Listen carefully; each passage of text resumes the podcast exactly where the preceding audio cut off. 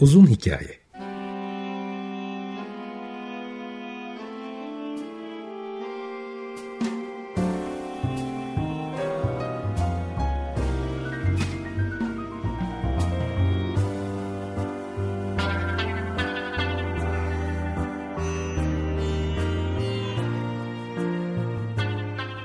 Hazırlayan ve sunan Muzaffer Çorlu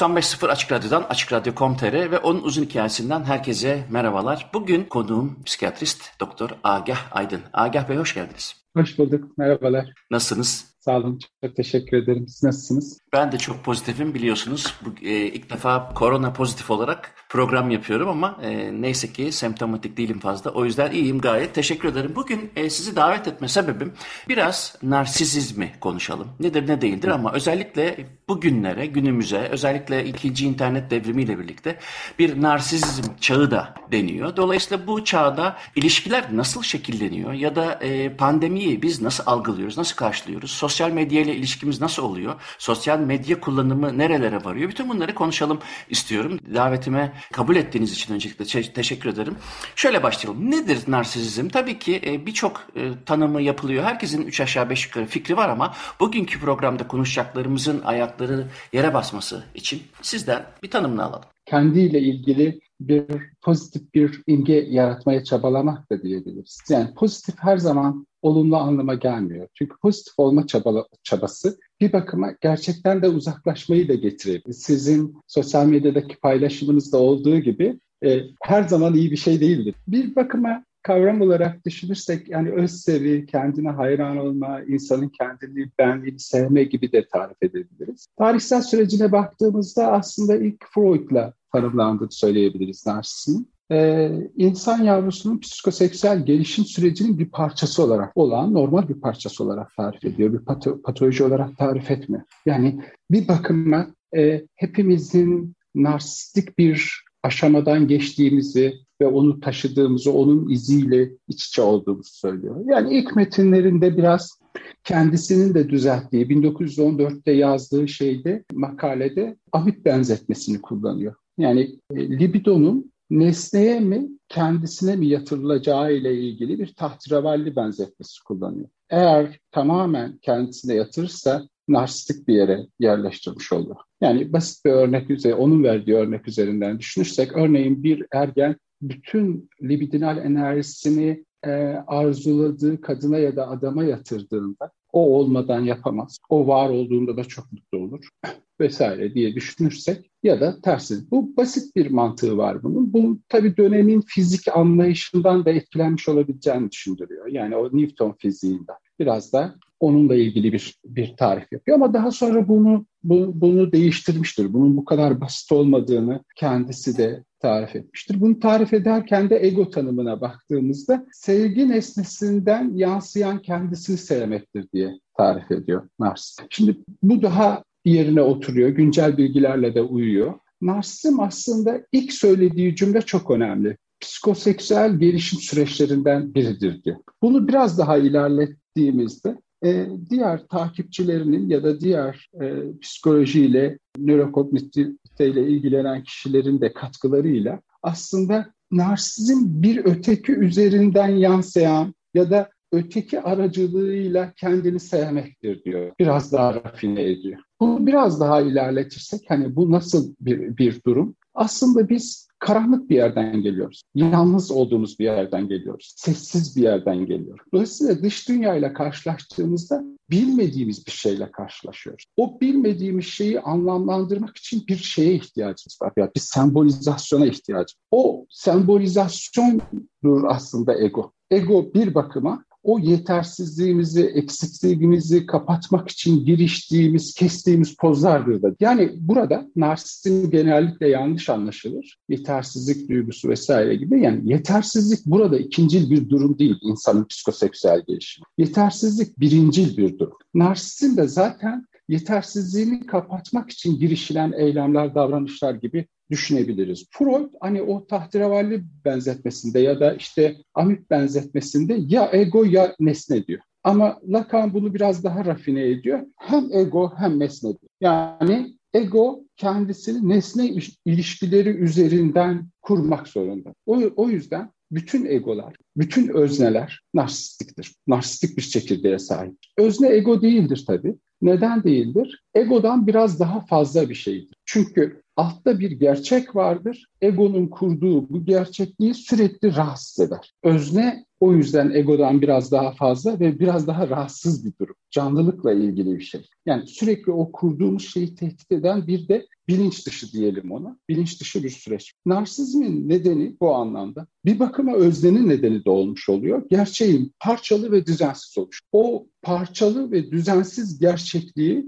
bir bakıma karşılaştığımız ötekiler üzerinden bir makyaj yapmak, bir poz kesmek, bir bir hale, bir yola koymak diyebiliriz. Bir bakıma gerçekten kaçma biçimimiz de diyebiliriz. Ama bunu bir patoloji gibi algılamamalıyız. Yani bu gerçekten kaçma biçimimiz aslında bizim kendimizi kurma biçimimiz olarak da düşünülebilir. O yüzden Freud'un ilk cümlesi çok önemli. Psikoseksüel gelişim süreçlerinin bir parçası. Bunu nasıl tarif ediyor? Bunu e, indirgersek, bu bir radyo programı olduğuna göre biraz indirgemeye ihtiyaç var. Özdeşimle ilişkilendiriyor. Yani özdeşimi de nasıl indirgeyebiliriz? Gene onun kelimelerini kullanırım. Tükürerek ve yutarak yapıyoruz. Teknik kavramlarla söylersek, identifikasyon yani özdeşim, içe alım, inkorporasyon, içe atım, introjeksiyon, içselleştirme internalizasyon. Yani işimize gelenleri yutuyoruz, işimize gelmeyenleri dışarıda bırakıyoruz. Daha sonra yazdığı makalelerde bunu biraz daha rafine etti. Yansıtma ve içe atarak yani introjeksiyon yaparak, tükürerek ve yutarak ego kendisini oluşturmuş oluyor. Aslında dilin de temeli bu ya, tükürerek ve yutarak. Bilgisayarın dilinde olduğu gibi bir ve sıfır. İşimize gelenler ve gelmeyenler. Ama burada bir kavramı da eklemek gerekiyor. Özdeşim basitçe bir taklit değil. İçinize aldıklarınızı asimile edip kendinize de mal ederiz. Ben sizden bir şey dinliyorum, e, bir ritim dinliyorum, bir söz duyuyorum. Onu alıp kendime de mal ederim dönüştürür. Ego da böyle oluşuyor zaten. Hı. Narsizmi sanırım böyle tarif edebiliriz. Belki biraz daha ilerletirsek egonun niteliği aslında bir anlamda terk edilmiş nesnelerin tortusudur Freud'a ve Lacan'a atıf yaparak. Yani kabul edilmiş ya da terk edilmiş nesnelerin tarihini içerir aslında ego. Özneyi onu kapsayan bir şey olarak söyledik. Aslında biz kişisel tarihimizin ürünüyüz de diyebiliriz. Basite indirgersek. Ama yaşadıklarımız değil. Buradaki asimilasyon sözcüğü çok önemli. Niye kardeşler birbirinden farklı? Hepimiz dışarıdan alıp yuttuklarımızı farklı farklı biçimde asimile ediyoruz. Ego kişisel tarihimizin tortusudur diyebiliriz. Narsistin de bunun çekirdeğidir aslında. Bir başka tarif yaparsak ego bu parçalanmışlık, kayıplara karşı yani dış dünyadaki düzensiz gerçeğe karşı bir savunmadır. Öznenin kuruluşu aslında içinde bir boşluk barındıran, bir eksiklik barındıran, bir yeter, yetersizlik barındıran ve o yetersizliği kapatma girişimidir. Narsizmi sanırım böyle tarif edebiliriz. Evrimsel biyolojik açıdan bakıldığında tabii Freud'a gelene kadar e, ve daha sonrasında Lacan'ı da düşünecek olursak daha tabii psikoanalitik açıdan bir e, perspektif var ama hem evrimsel biyolojik açıdan bakıldığında hem de sanıyorum 1980'lerden sonra artık DSM, DSM-3'te de tarif edildiği kadarıyla e, bütün bunlardan yola çıkılarak burada bir e, sapma ya da insanın tercih etmediği e, şeylerle karşılaşma durumunda da bir narsistik kişilik bozukluğu dedikleri değil mi? NPD, e, Narcissistic Personality Disorder'ın tariflenmesi artık daha doğrusu ismi, fenomenolojisi yavaş yavaş oturmaya başladı. Her ne kadar çok karışık bir konu e, olsa da en azından üzerinde anlaşılan bazı noktalar var. Şimdi oradan yola çıkarsak biz ne zamandan hangi e, kriterlerle bu durumu yani narsistik e, durumu bir kişilik bozukluğuna üreyebiliriz? Yani ne zamandan itibaren hangi belirtilerle biz diyebiliriz ki bu artık kişiye zarar veren, topluma ya da işte etrafına zarar veren, e, dolayısıyla rahatsız edici bir bozukluk olarak karşımıza çıkar. Bunun kriteri ölçütü nedir mesela? Yani bunu tartışmak çok zor. Buna karar vermek çok zor hı hı. benim durduğum yerden. Bir defa hani ister evrimsel süreç üzerinden düşünelim, ister bilişsel süreç üzerinden düşünelim, ister nörolojik süreçler üzerinden düşünelim, ister psikanalitik süreç e, kavramlar, psikodinamik süreçler üzerinden düşünelim, insanın insan oluşunu. Bunlar aslında birbiriyle çelişmez. Göründüğünün aksine işte e, böyle tuhaf bir çağa da girdik birbiriyle yarıştırılan, birbiriyle kavga edilen disiplinlere dönüştürüldü bunlar. Bu da narsizmle ilgili belki zamanımız olursa bunu da konuşabiliriz. Tabii. Bunlar aslında bir gerçekliği, bir gerçeği ortaya koymakla ilgili farklı paradigmalar kullanılarak ortaya konuyor. Ama burada iki kavram çok önemli. Yani asimile etmek ve ötekiyle girilen ilişki üzerinden insan kendisini tanıyor. Ötekinden yansıyan üzerinde o kendisini onda görerek tanıdığı bir şey. Harizmi söylemişti galiba. Coğrafya kaderdir. Freud'un getirdiği kavram da anatomi kader. Coğrafya kaderdir. Biraz kaderci bir durum. Hiç de kader değildir. Yani Olmayabilir. koşullarımızı değiştirebiliriz. Olmayabilir yani. Coğrafya senin babandır yani. Git sen kendi derdine yap. Değiştirebiliriz yani değiştirebiliriz. Yani Çemişgezek'ten çıkıp bir insan gidip Viyana'da çok önemli bir e, klasik müzik sanatçısı olabilir. Coğrafya işte kader değildir. Coğrafyanın durumları değiştirebilir. Ama anatomi kaderdir. Burada kastettiği şey de fiziksel yapımız değil. Ötekinden yansır. Yani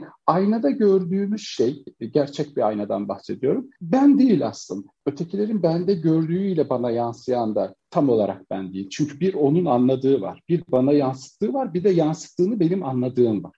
Buradan düşündüğümüzde ötekiyle olan ilişkiler bu narsistik bozukluğun derecesini de belirleyecek. Yani egonun çekirdeği narsistikse hepimiz gerçeğe perde olsun diye bir ego geliştirdiğimize göre, öyle özneleştiğimize göre kimin ne zaman ne kadar narsistik olduğuna karar vermek de çok kolay bir şey değil. Hı Yani tanımlayıcı psikiyatri açısından, tanımlayı fenomenolojik bakış açısından bu söylediğim biraz sıkıntılı bir şey ama o kadar kolay değil bu, bu sorunuza benim açımdan cevap vermek. Anladım. Çünkü öteki sendelerse, öteki sıkıntıya girerse bizim narsistik çekirdeğimiz de şişmeye başlar. Ne bileyim ana babalarımız çok sendelerse, kurumlar çok sendelerse, devletler ne yaptığını bilmez hale gelirse, bilim değersizleştirilirse biz de şişmeye başlarız.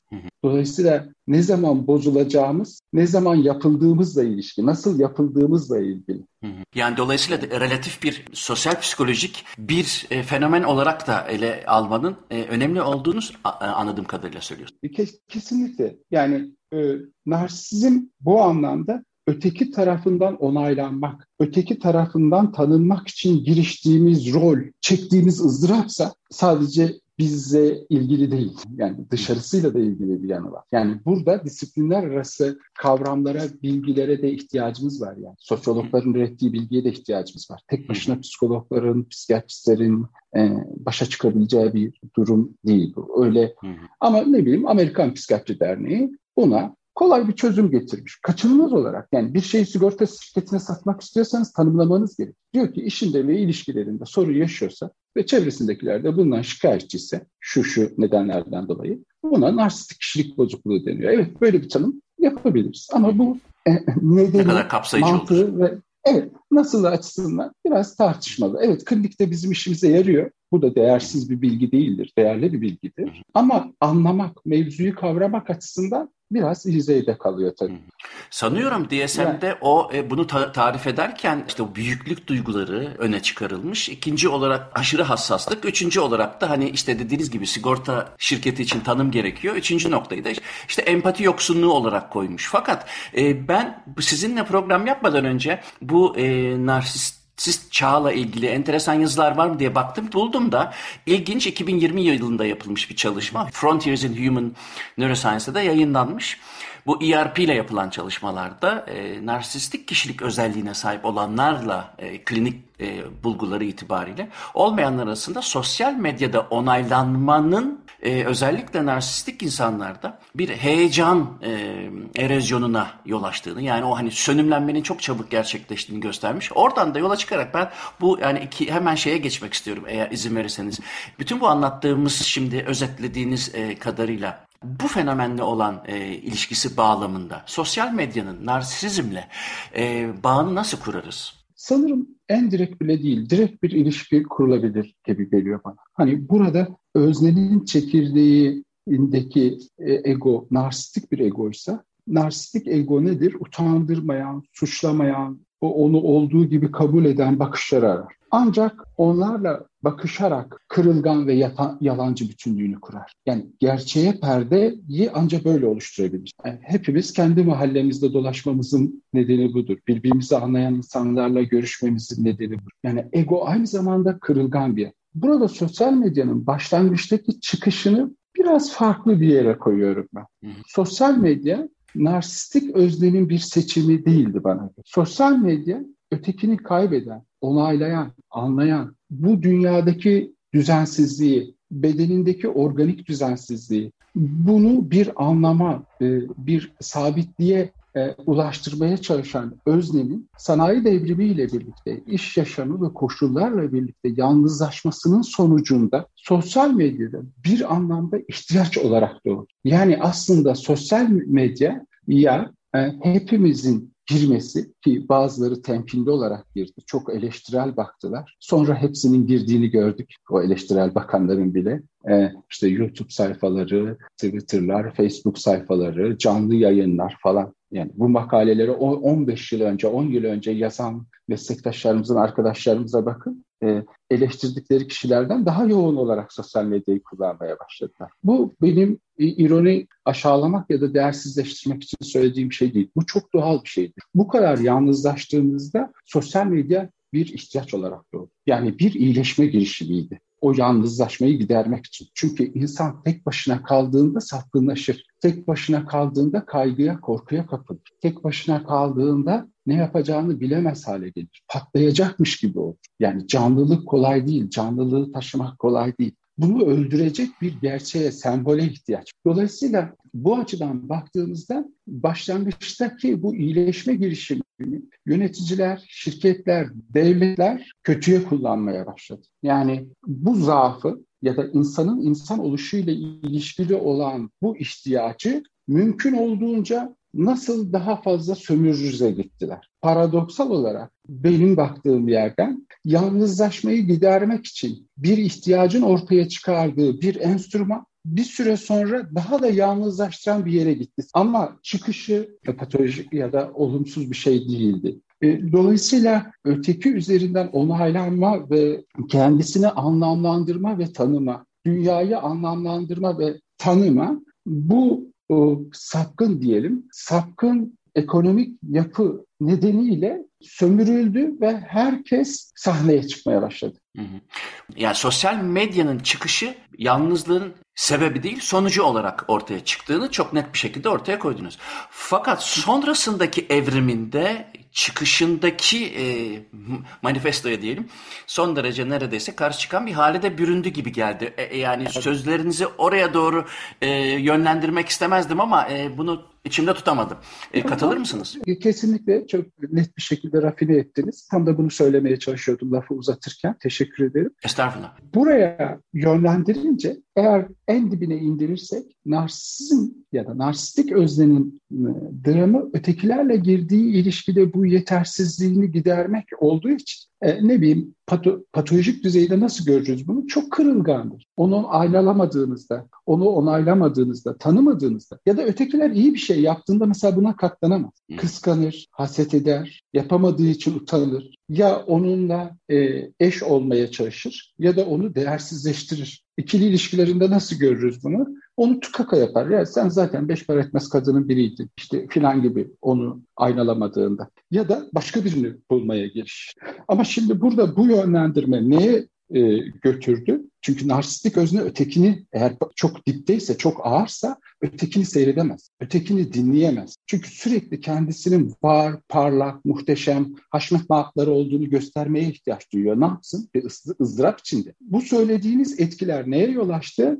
Herkesin sahneye çıktığı, kimsenin seyirci olmadığı bir yere götürdü. Hı hı. Seyircisiz tiyatrolarda sahneye çıkmak, herkesin seyircisiz tiyatrolarda ölümü beklediği, beklediği bir drama götürdü. Ruhsal sıkıntıları, depresyonu, anksiyeteyi arttırdı. Çünkü iste, siz istediğiniz kadar şovunuzu yapın, temaşa yoksa işte burada da patolojinin derecesini belirt. Ötekinden temaşanı yokluğuna, aynalamasına, katlanabilme düzeyine göre narsistik patoloji belirlenir. Eğer buna ikimiz beş dakika katlanıyorsak bu bir düzeydir. Bir başka arkadaşımız bir dakika dayanabilir. Bir başka arkadaşımız yüzünü çevirmesine bile dayanamayabilir. Aramızdaki fark da bu kadar küçük aslında. Ama buna hiçbirimiz sonsuz, süresiz katlanamayız. Şimdi hepimiz bir bakıma narsistik patolojinin tuzağına düşmüş olduk. Çünkü seyircisiz tiyatrolarda şov yapıyoruz. Ya şimdi ömrünü müziğe vermiş, ömrünü müziğin dinamiklerine vermiş. E işte siz bana dediniz ki mesela programdan önce müzik hakkında da konuş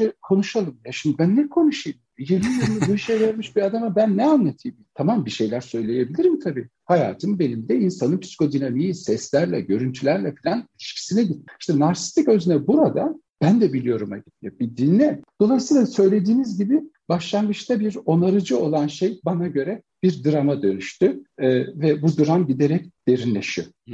Şimdi seyircisiz tiyatrolar çok güzel bir analoji oldu. Ben çok güzel bir benzetme oldu bence. Çünkü hakikaten yani herkesin narsist olduğu yerde de narsizmin tadı kalmadı gibi bu kıvamda şeyler okuyorum yeni makaleler. Fakat şu çok ilgimi çekiyor. Şimdi giderek sosyal medyada onaylanma ihtiyacı tabii o e, kaç kişinin e, beğendiği, kaç kişinin e, onu paylaştığıyla çok ilişkili tabii ki. Ama e, takipçi sayısının yapılan araştırmalarda bu son biraz önce e, referansını verdiğim e, Frontiers in Human Neuroscience'da da yayınlanmış. Yapılan araştırmalar kaç kişinin takip ettiğiyle ilgili şöyle bir şeyi e, gösteriyor. Giderek artan takipçi sayısında bu sefer noktadan sonra yani virgülden sonraki rakamların önemi azalmaya başlıyor. Yani mesela diyelim ki sizi 999 kişi takip ediyorsa burada hmm. Ali ya da Ayşe o 999'dan birisi. Yani Ali veya Ayşe giderse 998'e düşüyorsunuz. Fakat eğer size 10.712 kişi takip ediyorsa o zaman 10.7 takipçiniz var. Dolayısıyla oradaki e, Ayşe ya da Ali'nin gitmesinin hiçbir önemi kalmıyor. Dolayısıyla katlanarak gittiği zaman 1 milyon takipçisi olan birisi için 10 binlerin önemi kalmıyor. Bununla ilgili bir araştırma yapılmış.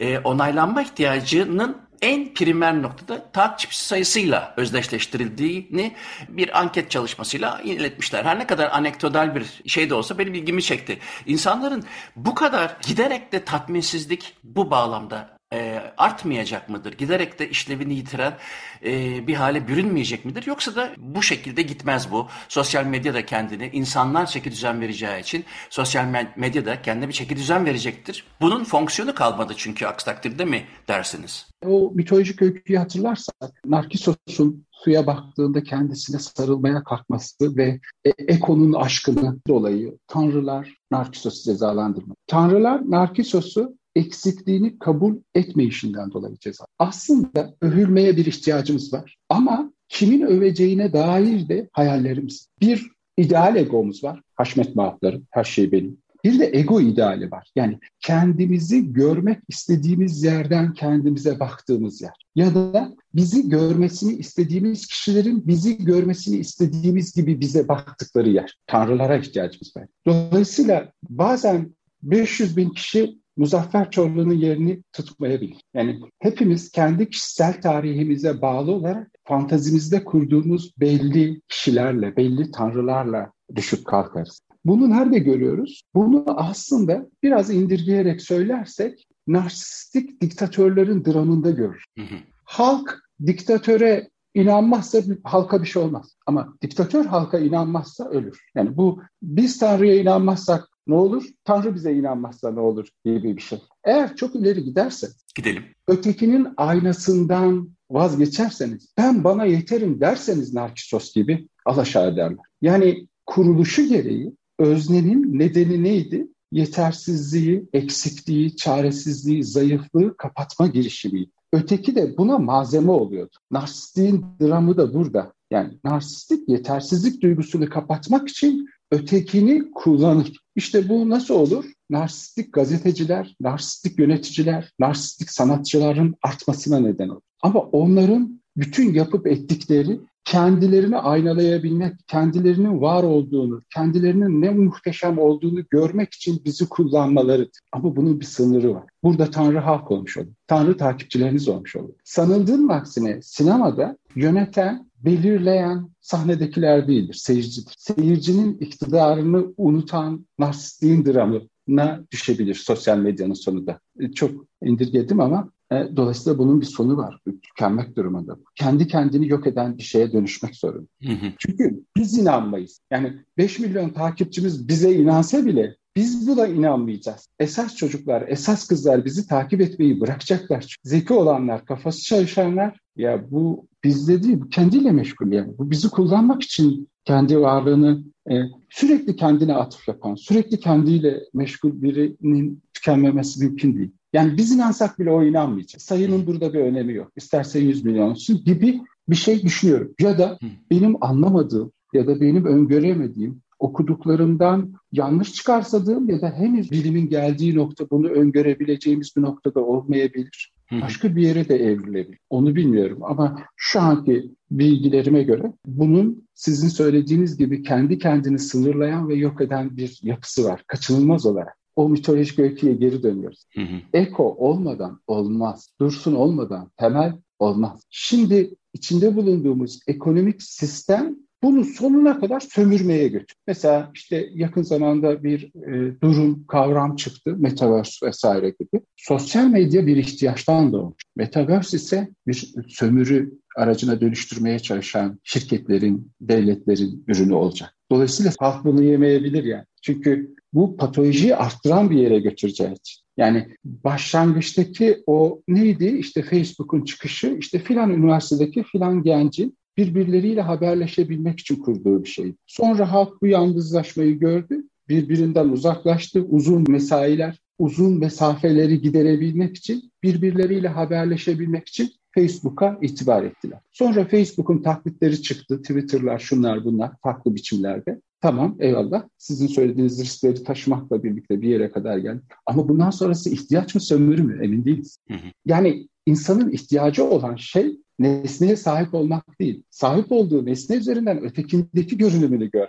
Ötekinden çok uzaklaşırsanız mevcut bilgilerimiz bunun bir karşılığının olmadığını gösteriyor. Yani bu bülbülü altın kafese koymaya benziyor. Çöküş getirebilir yani bu. Ama nasıl bir çöküş bilmiyorum. Belki daha sair zamanda ya da daha teknik tartıştığımız bir e, programda da karşılıklı konuşabiliriz ya da kendi muhabbetlerimizde de konuşabiliriz. Yani bu programın sınırları biraz bunu ele alabileceğimiz çok fazla teknik detaya girmemiz gerektirdiği için e, beni bağışlayın. Yani teknik oraya. detaya e, bu program itibariyle girmeyelim ama tekrar yeni bir e, programda özellikle detaylarını ben çok merakla yani çok zevkle konuşurum. Çok önemli Fakat, bir sorunla karşı karşıyayız beraber ya da hepimizin tartışması gereken e, e, Elbet. Bir, bir şey. Şöyle yapalım bir müzik arası verelim.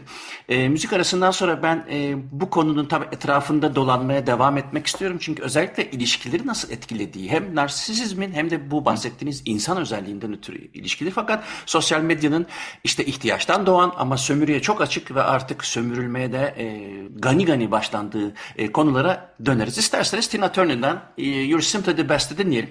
Sonra devam ederiz.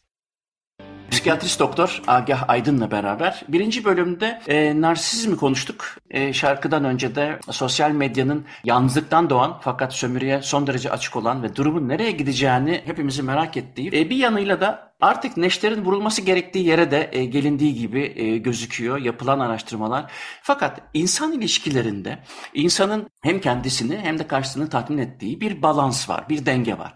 Bu insan ilişkilerinde dengenin bozulduğu, kendi lehine insanın dengeyi bozmak istediği, dolayısıyla bir kişilik bozukluğuna tekabül eden bu narsistik durumda hem sosyal medya çok iyi kullanılıyor ama bir de öte yandan sosyal medya bildiğimiz o ten tene teması, göz göze teması da ister istemez biraz ötelediği, azalttığı için başka türlü indirekt zararlara da sahip. İnsan ilişkisinde bakacak olursak, tüm bu anlattıklarımı da kapsayacak şekilde e, narsizmi, insanı, egoyu ve de ilişkileri e, nasıl bir üçgene oturtabiliriz? İlişkinin sanalı gerçeği olmaz. Hı hı. İlişki temelde zaten bir yanılsamaya dayanır. Hangi yanılsamaya? Bedenin ve dünyanın düzensizliğini kapatmak için ötekinden gelenlerle kurduğumuz bir yanılsamaya. Dolayısıyla bu yanılsama yaratan şey nedir? Ötekinin gözünde gördüğümüz dildir, sembolik alana giriştir. Bu attığınız bir tweet de olabilir. Facebook'a yazdığınız bir şey, Instagram'a koyduğunuz sembolik anlamı olan bir resim, bir müzik. Dolayısıyla burada patolojik olan ya da insanı bu neliğiyle ilgili, öznenin kuruluşu ile ilgili bir soruna götürmez. Burada sorunu yaratan sanal olan ne yani burada? Mevzunun internet üzerinde olması değil. Buradaki sanal olan şey işte o takipçilerin, beğenilerin, şunların, bunların ötekinin yerine geçmesi için yaratıl bir nesneleştirme yani. Yani o bir milyon kişi bir nesneye dönüyor gerçek bir muzaffere, gerçek bir agah olmaktan çıkıyor.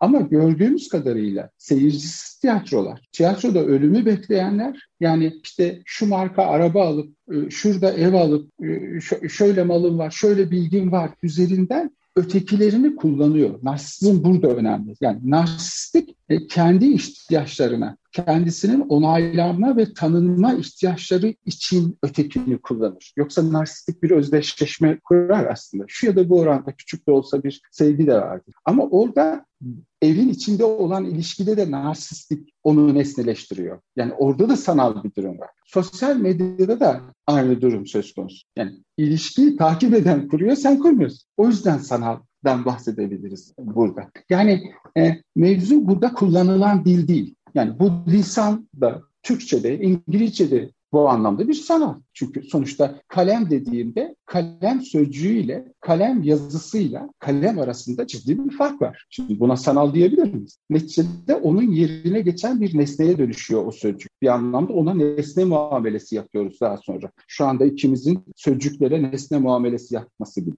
Dolayısıyla sosyal medya ya da metaverse matbaanın bulunmasından farksız bir şey. Arada bir fark yok yani. Böyle paniğe kapılmaya gerek yok. Buradaki sorun bireysel değil. Sorunu e, iktidarlar, tanrılar, güçlü olanlar, devletler bireye indirgiyor. Narsizm kelimesinde dikkatli kullanmamın nedeni de bu. Çünkü narsizmi insanın bir gelişim süreci, insanın yapısal bir e, parçası olarak değil de tanımlayıcı psikiyatriyi o açıdan e, dikkatli e, ele almamız lazım. Bir patolojisi, bir bozukluğu, bir ahlaksızlığı olarak görüyor. Şeytana uymak olarak görüyor. İblisin e, şeyine girdiniz diyen bir ortaçağ ke- keşişinden farksız bir durum. Hayır öyle kullanamayız. İnsanın yapısıyla ilgili bir şey. İnsanı böyle iyi, kötü falan diye sınıflayamayız. O odur diye düşünmemiz gerek. Şimdi buradaki e, temel sorun da bu sanal sözcüğünü nasıl yorumlayacağım? Sanaldan bahsedemeyiz yani. Buradaki sorun bireye indirgeyen, bireyi suçlu hissettiren bir yere götürüyorlar ya. Siz kendinizi kaybettiniz, kitap okumuyorsunuz, işte ne diyeyim e, bilime değer vermiyorsunuz, gece gündüz sosyal medyadasınız. Siz ahlaksızsınız. Din bu ya.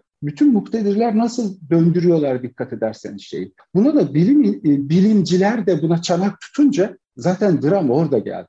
Dram bilimcilerin, aklı erenlerin bu tuzağı görmemesiyle ilgili. Mevzu sosyal medya değil. O zaman toplumsal bir sorunla karşı karşı. Biz bu saldırıyla bireysel olarak çok fazla direnemeyiz buna. Buradaki Etkileri bağımsız tabii. değişkeni atlamamak lazım tabii. Yani sosyal medya kullanı günde 10 saat sosyal medyada vakit geçiren birisine bunları dersek e, hakikaten dinden dogmatik olur ama e, sosyal medya olmasaydı o 10 saatin kaç saati kitap okuyacaktı ya da kaç saati kitap okumayı da şimdi kutsallaştırmak istemiyorum. Yani ya, ya, o örneği vermek o yüzden istemiyorum ama sosyal medya olmasaydı o 10 saati nasıl değerlendirecektiği de eleyemeyiz. Ben size katılıyorum. Şu an benim yaptığım, bugün yaptığım, belki de yapacağım en kıymetli şey sizinle yaptığım konuşma benim. Siz bir şey söylüyorsunuz, ben size cevap veriyorum. Ben bir şey söylüyorum, siz bana cevap veriyorsunuz. Derinlik yakalıyoruz, düşünüyoruz. Gerçek bir ilişki kuruyoruz. Birbirimizden kaygı duyuyoruz. Birbirimizi seviyoruz ya da utanıyoruz. Evet. Sorun bunu sömürmeye kalkan şirketler, bunu sömürmeye kalkan devletler, dikkatimizi çalanlar, bizi bombardıman içinde tutuyorlar. Yani bir anlamda dikkatimiz çalınmış oluyor. Bundan nasıl kurtulacağız? Mesela ben şimdi bu e, radyo programının tekrar yayınlanacak. İşte ben kendi YouTube kanalımda şu anda bunu sıradan alttan üstten bir yerlerden reklam olduğu zaman bu artık kaçınılmaz bir şekilde benim de ister istemez çanak tutmuş olduğum bir sonuca geliyor. Yani yaşadığımız çağda bundan kurtulmanın ya da en azından samimi derecede, samimi bir şekilde ilişki kurmanın e, yolu yöntemi ne? Benim kafamın karıştığı nokta orası. Yani ya... İşte suçluluğa götürüyor dikkat ederseniz yani. Evet götürüyor. Beni yani, hissettiriyor. Bu bireysel bir sorun değil. önce buna karşı çıkmamız gerekiyor. Hı. Sende problem var diyor. Ya sende problem var. Sen yasayı çöker. Patoloji ne demektir? Patoloji psikodinamik anlamda iyi dış yasağını reddetmek, dış dünyayı reddetmek. Deliririz yani o zaman. Riskli de olsa şunu da söyleyebiliriz. Toplumsal olarak toplum ne zaman delirir? Toplumsal sözleşmeyi reddettiğimiz. Bizim ortak kararlarımız var. Toplumsal sözleşme o demek. Yani mutlak özgürlük yoktur. Özgürlük beraber aldığımız kararlara uyduğumuzda ancak e, ele alabileceğimiz bir konu. Ben kendi istediğim her şeyi yaparım. Herkesin her söylediği öyle bir şeyden bahsetmiyoruz. Birlikte yaşıyorsa beraber karar verdiğimiz toplumsal sözleşmeye uymak durumunda. Şimdi toplumsal sözleşme sürekli ihlal ediliyor devletler ve şirketler tarafından. Sonra da suçu bize atıyorlar. Şimdi bir gazeteciyi düşünün. Bir gazetecinin reklam almadan, e, sosyal medyayı kullanmadan, YouTube'u kullanmadan hayatını idame ettirmesinin imkansız olduğu bir hale geldik. Artık gazetecilere maaş vermiyor gazeteler. Şimdi bu açıdan baktığımızda bunu bireysel bir sorun olarak ele almanın riskine vurgu yapmak istedim ben. Şimdi sistemi böyle kurduğunuzda kaçınılmaz olarak oradaki bilgi üretimi de sekteye uğramış oluyor. Sanatçılar, bilim insanları, bilimciler e, bilgi üretemez hale geliyorlar. Onun karşısına başka bir şeyi getirip koymuş olduğunuzda darma duman olmuş oluyor. Yani e, eleştirel akıl ortadan kalkmış oluyor. Dolayısıyla burada sorun ne bizde ne sosyal medyada ne de internette sorun yönetim sistemleriyle ilgili. Sorun sosyal yaşamı düzenleyen iktidarlarla, muktedirlerle ilgili bir şeyle karşı karşıyayız. Yani burada nasıl ki Türkçe bir teknolojidir, İngilizce bir teknolojidir, Twitter'da bir teknoloji. Neyin teknolojisidir? Sembolizasyonun simgesel bir şey. Mesela müziğe sapkın bir şey diyebilir miyiz? Müzik bizi hastalandırıyor diyebilir miyiz? Hayır, orada bir sembolizasyon var. Türkçeyi yaşadığımız sorunların nedeni olarak göstermek ne demekse interneti ve sosyal medyayı da yaşadığımız sorunların nedeni olarak göstermek aynı anlama gelir bence. O muktedirleri muktedir yapan da sonuçta hani birinci bölümde çok güzel e, anlattınız orayı. E, sonuçta kişi o kendisini takip eden insanları tanrısallaştırıp dolayısıyla Tanrı'nın da e, onayını almış oluyor e, bir şekilde. Fakat o muktedirleri de muktedir yapan, tanrıları da ya tiranları da tiran yapan sonuçta karşı taraf değil mi? Dolayısıyla e, yani hırsızın hiç mi suçu yok gibi bir soru olacak ama işte toplumsal sözleşmeden örnek verdiniz e, yerinde idi o çok. Çünkü gerçekten de toplumsal sözleşme ikimiz de uyduğumuz sürece ikimizin de özgürlüğünden bahsedilebilecek tamam. Fakat o toplumsal sözleşmenin aksayan yanları ya da aksamamasına rağmen sonradan değiştirilip yani e, insanların kazıklandığı noktalarda bunu yapan kişilerin cezalandırılması da sonuçta o takipçilerin ya da işte insanların, sübjetlerin sorumluluğunda. Ee, olmuyor, evet. yapmıyorlar genelde. Onu neye bağlayacağız? Her insanda yani, öyle olma isteğinden mi kaynaklı? Tabii ki sosyoloji ya da felsefeye diğer alanlara çok bulaşmak istemem. Yani çok disiplinler arası bir bilgi üretmeye ihtiyaç var. Ama e, ben bireyle çalışan biriyim. Bireyle çalışırken de doğal olarak kendi argümanlarımı, kendi bildiklerimi kullanarak belki bir projeksiyon yapabilirim. Kısıtlı ve sığ da olsa. Yani insanın bu düzensizliğe, bu gerçeğin anlamsızlığına ve parçalanmışlığına karşı geliştirdiği şeye biz kişilik diyoruz. O kişilikte nasıldır? İşte her şeyi ben bilirim diye şişmiş bir narsistik ego, megalomanyak. Bir başkası nasıl bir şey geliştirir? İşte borderline spektrumda örgütlenmesi olan biri ne olursa olsun öteki olsun. Ötekine ulaşamadığında 100 tane çağrı bırakır. Bir başkası da o ötekiyle kendi kişisel tarihindeki ötekiyle girdiği ilişki bağlamında baba yoktur. Herkese ve her şeye karşı ben der. Şimdi bütün kurumları, bütün kurulu düzenleri, bilimin, sanatın ürettiği her şeyi değersizleştirdiğimizde baba ölmüş olur. O zaman da hepimiz kendi sahnemizi kurmaya başlarız. Yani bu bir eğer toplumsal düzeyde bunu söyleyebilirsek bu bir sistem sorunu olmuş olur. Yani ötekinin babanın e, sapkınlığıyla başa çıkmamız çok zor bireysel düzeyde. Çünkü hepimiz kendi bildiğimizi okuruz. Kimisi aşı karşıtı olur, kimisi aşı taraftarı olur. Ya neye göre aşı karşıtı olur? Ya da neye göre aşı taraftarı oluyor? Evet birilerine güvenmek zorunda. Yani sanatçılara, e, tecrübeye, bilgiye toplumsal olarak oluşturduğumuz kurumlara güvenmek zorundayız. Bu kurumların çökmesi kaçınılmaz olarak bizim narsistik çekirdeğimizin şişmesine neden oluyor. Çünkü bizim gerçeğe karşı direnebilmemiz, ölüme karşı direnebilmemiz, bununla başa çıkabilmemiz için bir şey üretmemiz gerekiyor. Yani pandemiyi üzerinden düşünürsek şöyle yorumlayabiliriz bunu. Bu gerçeğin neliğiyle ilgili bir şey.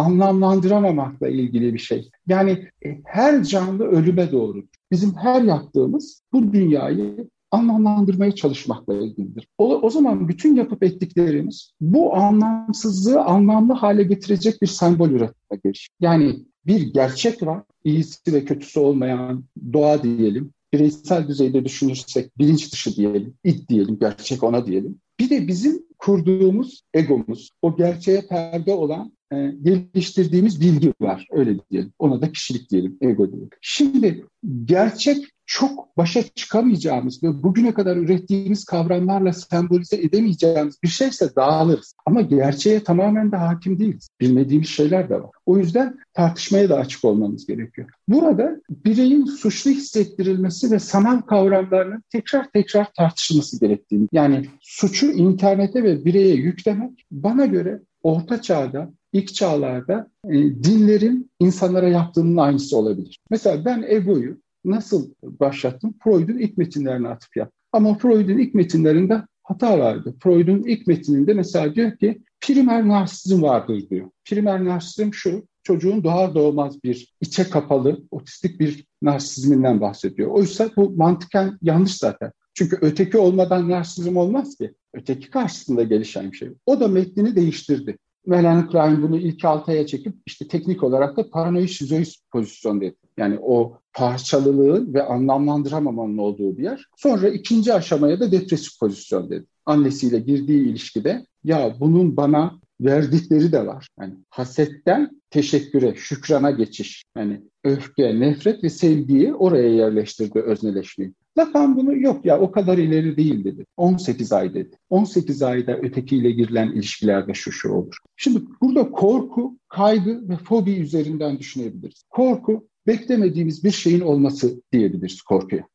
Dolayısıyla şaşırırız, dona kalırız vesaire. Ama kaygı öyle değil. Kaygı da bir nesneden bahsetmeyiz. Ama aslında yani somut bir olaydan bahsetmeyiz. Ama aslında bir nesne vardır orada. Kişidir kaygı. Yani çocuk neden korkar? Karanlıktan, yalnızlıktan, sessizlikten. O zaman kaygı bir bakıma karanlıkta elimizden tutmayandır. Fobi nedir? Fobi o karanlıkta elimizi tutmayanların, sesini duymadıklarımızın yerine varsayarak bir nesne koymak. Yani babanın eksikliğini sembolize edip yerine yasanın eksikliğini sembolize edip uydurdu. İşte bildiğimiz az önce saydığım psikanalistler, Winnicott vesaire, işte Lacan bunu aile evresine koyuyor, görsele koyuyor.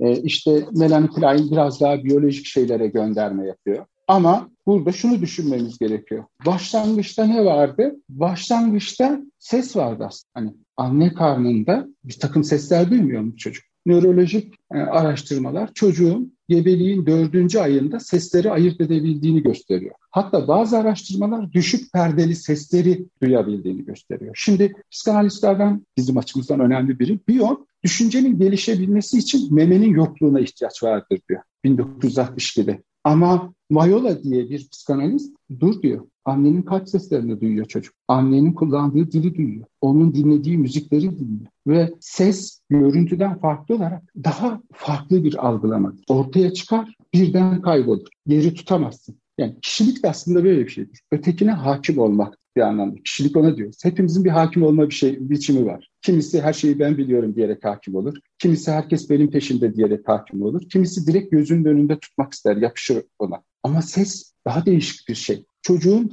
aslında ben ve öteki diyebileceği ilk karşılaşma ses olabilir. Yani bu anlamda ben her ne kadar bu ekole uzak olsam da ama çok önemli bir şey söylüyor Mayolo. Diyor ki sözcükler e, zihinsel bir etkinlik olarak yanlış ya da doğru olabilir. Ama sesler ise ne doğrudur ne de yanlıştır. Onlar sadece vardır diyor. Çıkar ortaya ve kaybolur. Şimdi çocuk buna maruz kaldığında dışarısıyla kendisi arasında bir zar oluşuyor olabilir. Mesela Galimani diye bir başka e, psikanalist o diyor ki bilmediğimiz dildeki şarkılardan zevk almamızın nedeni budur. O zaman müzikal yetenek bir anlamda hepimizin başlangıçta maruz kaldığı bu süreç içerisinde gizlenmiş, bastırılmış olanın ortaya çıkarılması olabilir. Bir, birini daha ekleyeyim. Didier Anzio ise buna çok önemli bir şey ekliyor. 1979'da diyor ki işitsel sessel yani audiofonik dediği bir deriden bahsediyor. Ses banyosu diyor buna. Bebeği sarmalayan bir dönemden bahsediyor. Şimdi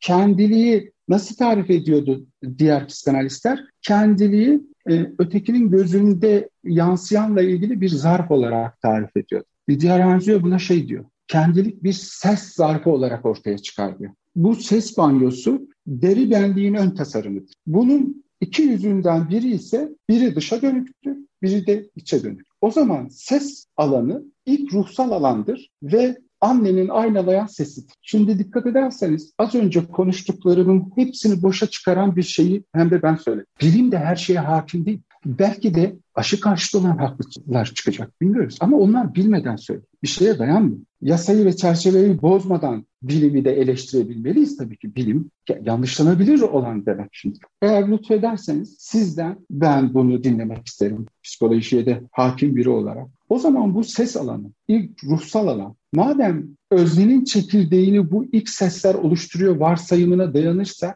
dünyadaki müzik nasıl değişti? Biz nasıl bundan etkileniyoruz? Bunun nasıl bir etkisi var? Bilmiyorum siz nasıl yorumlarsınız? Çok Şimdi, da merak ediyorum. Harika bir soru. Öncelikle çok teşekkür ederim. Benim e, alanım tabii ki nöromüzikoloji olduğu için e, bu anlattığınız e, muhteşem girizgah aslında benim de kullandığım giriş. Neden? E, müziğin evrensel olduğuna ilişkin konuşmalarımda, yalnız müziğin evrenselliğinden kastım şu değil. Johann Sebastian Bach'ın müziği, Itri'nin müziği değil. Hayır, müziğin kendisi evrensel. Tıpkı dil gibi düşünebiliriz bunu. Fakat farklı farklı müzikler var. Ama önemli olan müziği bir defa müzik olarak algıladığımız zaman kafalar karışmasın diye. Çünkü insanlar hemen caz, pop, müzik, 16. yüzyıl müziği, hayır ondan bahsetmiyoruz. İnsanın üretmek zorunda olduğu müzik. Yani kelimelerin e, herhangi bir kelimenin de müziği var, ritmi var, pitch kontürleri var. Yani insanın sesle olan iletişimi, e, ilişkisi daha doğrusu. Neden anne karnına kadar gidiyor? Yapılan çalışmalar e, siz 4 ay dediniz ama daha da ileri gidebilirsiniz. E, çok çok daha yanılmıyorsam en son okuduğum şeylerde e, 70 günlük yani ne, ne demek o? 2 ay Celinden 10 günlük. Evet yapılan e, çalışmalarda bir enteraksiyonu. Işık sesleri algılayabiliyor. Evet evet algıladığını gösteriyor. Fakat burada e, o sesle olan iletişimde tabii ki e, tek taraflı yapılabiliyor. Çünkü e, sonuçta çocuk henüz ana karnında. Bu arada bu e, konunun ayrıntılı olarak anlatımını ben müziğin evriminde yine kendi kanalımda anlattım. Hani ilgisi olan e, varsa seyredebilir gene benim kanalımda. E, orada da şunu söyledim. Öncelikle ninnilere bakmak çok önemli. Ninni neden işte işte melatoninden oksitosina e, o kadar çok hormonu harekete geçiren işte bağı kuran bir şeydir ve o konuda yapılan çalışmalar mesela dokümente edildiği kadarıyla 2000 ila 8000 yılına kadar giden bir ninni kültüründen bahsediyoruz. Ya da işte hani e, benim hep söylediğim 60 bin yıllık flüt bize ne söylüyor? Yani kognitif kırılmadan öncesine giden yani insanların konuşmadan önce müzik yaptığının kanıtları ortada varken ee, Tabii söz öncesi döneme şey yaparsak çocuk konuşmayı öğrenmeden önce bir melodi çıkarabiliyor. Tabii. E, çıkarmaktan öte 4 aylık çocuklarda herhangi bir akorun üzerinde anlaşılmış mesela bir e, majör akorun, bir minör akorun ya da bir akor progresyonu diyelim ki piyanoda diyelim işte hani standart bir e, kadans çalınıyor. Eğer beklenmedik bir ses gelirse ERP'lerle ortaya çıkmış ki e, Afrika'nın güneyinden Kuzey Amerika'ya, Asya'dan e, Uzak Doğu'ya kadar çocukların hemen hemen hepsinde yani anlamlı istatistiksel açıdan söylüyorum anlamlı oranda çıkan bir gerçeklik var ki o da hepsi e, uygun olmayan bir akoru tespit edebiliyor. Yani burada hiçbir müzik eğitimi olmasını bırakın 4 aylık çocuklardan bahsediyoruz. Ve 8 e, aylık çocuklarda da 2 yıllık çocuk 2 yaşındaki çocuklarda da çıkıyor bu ama o kadar erken yaşta da çocuk oradaki ben olsaydım bunu çalmazdım diye belki yorumlayabileceğimiz e, farklı bir tepki gösterebiliyor. Yani aslında hani fMRI çalışmalarında hep bize şunu anlatıyor. E, müzik kadar beynin çok geniş alanını uyaran bir e, enstrüman daha var mı? Bir dil var mı? Çok tartışılır. E, olmadığına e, şahidiz şu anda. Tabii olabilir ama biz onu görmüyoruz. Bizim için müzik dolayısıyla insanlık kültürünün bence en primer, en dominant e, iletişim biçimlerinden bir tanesi. Bu dediğim gibi 60 bin yıllık flütler, 110 bin, 120 bin yıllık tamtamlar bize iletişim aracı olarak müziği kullandırtmış olabilir ama bu fikir nereden aklımıza geldi? Evet bu da sizin dediğiniz yere gidiyor. İnsanın daha algılamaya başladığı anda sesle iletişime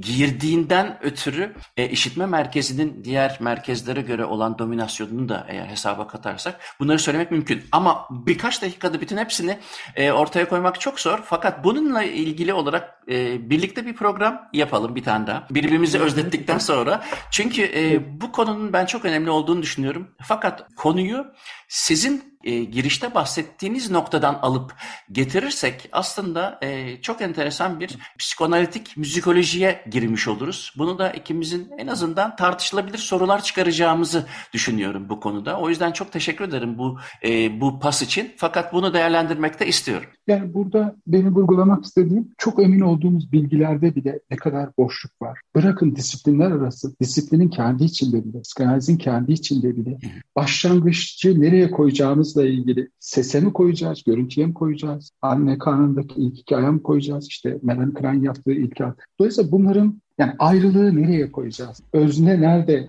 e, ayrılıyor? O yüzden hani sizin görüşünüzü de duymak istedim. Dediğiniz gibi bunu konuşabiliriz tabii. Ama ayrılığı nereye koyarsak koyalım. Sürede doldu. Bir e, şairle bitirelim. E, Freud şairleri çok sever, çok da vurgu yapar. Bir tek müzikten hoşlanmaz. Belki de sembolize edemediği içindir, bilmiyorum. Bildiğim kadarıyla eğer hayat öyküsünü yanlış bilmiyorsam, biyografisini yanlış bilmiyorsam hiç konsere falan da gitmemiştir. Çünkü sembolize etmesi zor olan bir şey. Yani belki de orada da narsistik bir çekirdek, yani o hakim olamadığı bilgiyi reddetmiyor ama üstünde de durmuyor gibi de düşünüyoruz. Ama Freud'a da Freud'a da haksızlık etmeyelim çok şey öğretti. Belki de sanat ve bilim tarihinde ona atıf yapmadan bir şey üretmek şu anda neredeyse imkansız, çok kıymetli bir şey. Ben onun e, gösterdiği yolda e, bir şeyle tamamlayayım. Her şey ayrılıkla ilgili. Ayrılığı nereye yerleştireceğimiz teknik bu konu. Belki sonraki programda konuşuruz. Şükrü Erbaş şöyle diyor. Ayrılık ne biliyor musun? Ne araya yolların girmesi, ne kapanan kapılar, ne yıldız kayması gecede, ne ceplerde tren tarifesi, ne de turna katarı göklerde. İnsanın içini dökmekten vazgeçmesidir diyor ayrı. Umarım ne sosyal medya, ne metaverse, ne yaşadığımız çağ birbirimize içimizi dökmekten bizi alıkoymaz. Çünkü insan oluşumuzu, insanlığımızı, özlediğimizi buna borçluyuz. Ee, buna zarar vermez dileğiyle ben sözlerimi bitirmiş oldum. Çok teşekkür ederim. Harika bir program oldu. Ama Freud ve müzik programı yapmak farz oldu. Bir cevap hakkı doğdu Freud'a. Onun adına ben cevaplarım. Evet. Agah Bey dediğim gibi e, mutlaka bu konuda bir program daha yaparız. Çok teşekkür ederim katıldığınız için. Evet, ee, evet. Çok şey ben öğrendim. Harika ederim. mesajlar. Estağfurullah rica ederim. Ee, bugünkü programda Konuğum psikiyatrist doktor Agah Aydın'dı. Çok değerli bilgileri e, paylaştı. Çok şey öğrendim. Umarım sizin de hoşunuza gitmiştir. E, daha sonraki programlarda e, Freud'a cevap hakkı tanımak adına tekrar bir araya geleceğimizi umuyorum. Bana ulaşmak için Muzaffer Corlu Gmail adresine yazabilirsiniz. Twitter'dan program ayrıntılarını takip edebilirsiniz. Açık Radyo bu programı tekrarını Spotify'a ben de görüntülü olarak YouTube kanalıma koyacağım. Haftaya görüşürüz. Hepinize günaydın.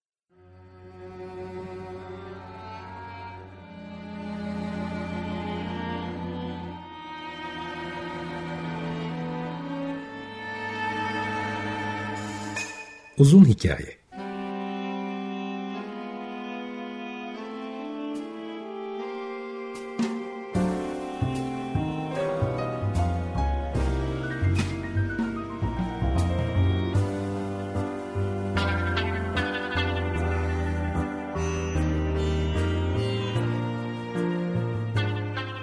Hazırlayan ve sunan Muzaffer Çorlu